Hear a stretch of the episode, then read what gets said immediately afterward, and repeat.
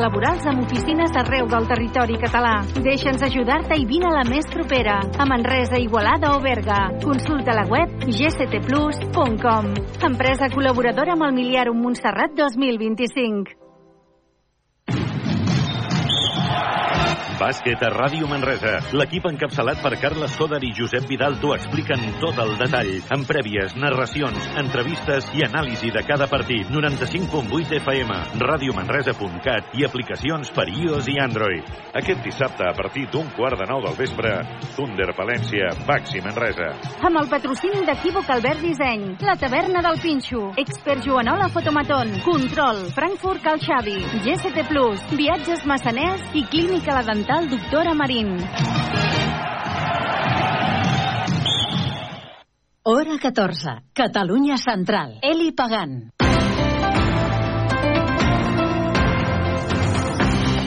Hola, molt bon migdia. Passen 21 minuts de les 2, hora 14. En aquests moments tenim 12 graus de temperatura al centre de Manresa, amb cels ennuvolats. Sembla que a la tarda tindrem més sol.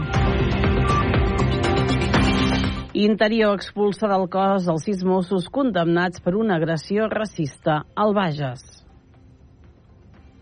El Departament d'Interior ha expulsat del cos de Mossos d'Esquadra els sis agents condemnats per una agressió racista al Bages, segons va avançar Nació Digital.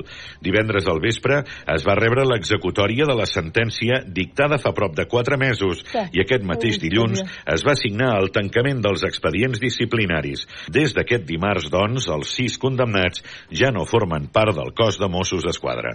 SOS Racisme havia criticat la setmana passada que els sis Mossos Mossos encara seguissin en actiu gairebé quatre mesos després de la sentència.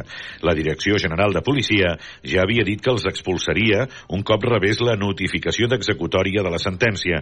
L'entitat es queixava, però, que Interior no hagués actuat, tot i haver-se anunciat l'expulsió del cos hores després que transcendís l'acord de conformitat, segons el qual els agents acceptaven els fets, però evitaven la presó.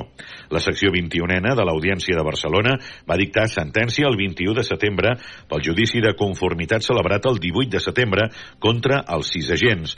La sentència va esdevenir ferma en el mateix moment en tractar-se d'un acord de conformitat i es va notificar a les parts el 22 de setembre. Demà dijous plenari de l'Ajuntament de Manresa amb la presentació de diferents mocions de Junts, però també de Fem Manresa plenari de l'Ajuntament de Manresa que es farà aquest dijous al matí debatrà tota una bateria de propostes de Junts per Catalunya, entre les quals n'hi ha una que fa referència als conreus de regadiu de la ciutat, situats al Poal i Viladordis, que segons el partit que lidera Ramon Bacardit s'han vist afectats per les restriccions municipals en motiu de la situació de sequera. Les conseqüències sobre l'agricultura seran dramàtiques. I dic seran perquè els nostres agricultors estan, han de sembrar properament i si no tenen garantit un rec no només no, no, sembra, no recollirem ni segarem res sinó que el que farem és, faran és perdre tota la inversió en la, en la sembra els nostres pagesos, no parlo d'hortes eh, de propi, d'autoconsum, sinó parlo de professionals de la pagesia, que cada cop en són menys al qual i al Viladordis, els nostres pagesos necessiten un cop de mà contundent per part del nostre govern. Necessiten tenir garantides, eh, garantit el mínim d'aigua per poder garantir que aquesta sembra que faran després pugui donar els seus fruits. Per tant, demanem a l'alcalde que en Tomi lideri una regulació que s'anticipi el que vindrà d'aquí un mes i, per tant, prioritzem el rec sobre aquelles explotacions eh, d'horts que són eh, fetes per part de professionals i que el FILCAP és el que alimenta la població de Manresa. És una de les quatre mocions i tres preguntes que el grup municipal de Junts per Manresa farà al ple municipal del mes de gener. El major nombre d'iniciatives presentades i que afecten a diverses regidories del govern tripartit, com la regidoria de Cultura, Acció Climàtica o Seguretat. Afecten a zones concretes de la ciutat, com el manteniment i dignificació de l'entorn del pont llarg, a problemàtiques presents en el conjunt d'aquesta. La inseguretat torna a ser el centre del debat a través d'una moció per combatre la multireincidència. També la gestió de l'aigua en un moment en què el conjunt de Catalunya pateix la sequera, a través d'una moció i una pregunta que afecta tant a la gestió de l'aigua, al propi nucli urbà com al primer sector. També faran incidència en la cavalcada de Reis de Manresa, instant l'equip de govern d'Esquerra, PSC i Impulsem a que tornin els símbols, després de considerar que els canvis introduïts en la darrera edició no han estat ben rebuts. Per la seva banda, Fem Manresa proposa revertir la delegació de competències al ple per recuperar el debat polític, per aconseguir que tot el plenari pugui debatre sobre els contractes dels serveis municipals que l'Ajuntament manté externalitzats, vinculats en temes transcendentals per manresans i manresanes consideren que amb els canvis introduïts per l'actual govern municipal s'han deixat de discutir al ple 13 temes que afecten a prop de 8 milions d'euros sobre el pressupost municipal.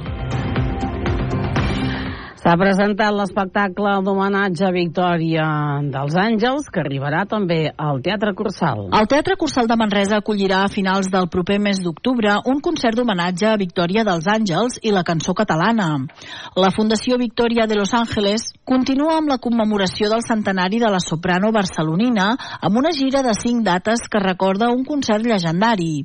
El que va ser el debut de Victòria dels Àngels al Palau de la Música el 19 de maig de 1944 4 i l'estrena de la cançó Damunt de tu, només les flors, de Federic Montpou, que més tard formaria part del cicle Combat del somni. Així es recupera part del programa Tribut a la cançó catalana amb orquestra. Aquest concert ja es va estrenar aquest mateix divendres a l'Atlantida de Vic i dissabte al celler de Vilaseca. Aquest dimarts 16 ha estat al Palau de la Música de Barcelona i a la tardor estarà al Teatre Auditori de Sant Cugat del Vallès i al Cursal de Manresa els dies 26 i 27 d'octubre respectivament.